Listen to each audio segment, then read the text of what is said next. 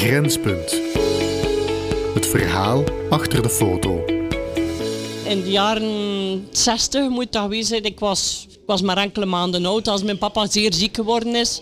Die dan in Leuven gelegen heeft. En er is ter ere daarvan een eh, kapelletje gebouwd. Aan de oprit van onze eh, boerderij staat dan aan de straat. Ik weet niet wie dat er dat gebouwd heeft, maar dat is toch... eh, ja, dat is niet zo groot, maar ik had dat een meter en een half toch hoog. Ja, met, eh, ja, met een Maria-beeldje erin. Dat uh, kapelletje is gebouwd geweest zonder fundering. En het is zo helemaal aan het wegzakken. En mijn man heeft daar een, eh, een, iets onder gestoken, omdat het niet zou helemaal omvallen. Eerst dachten we, ja, maar zou dat moeten eh, ja, wegdoen, ja, want het is bezig met, met wegzakken. Of, eh, maar ja, we kunnen, eh, ja, we kunnen het niet wegdoen. Het staat daar en we hebben er een bank nu voor gezet. En het zijn veel mensen die dan, als ze passeren, die dan een keer een beetje rusten. Of een keer, eh, ja, die daar eh, een momentje nemen op die bank.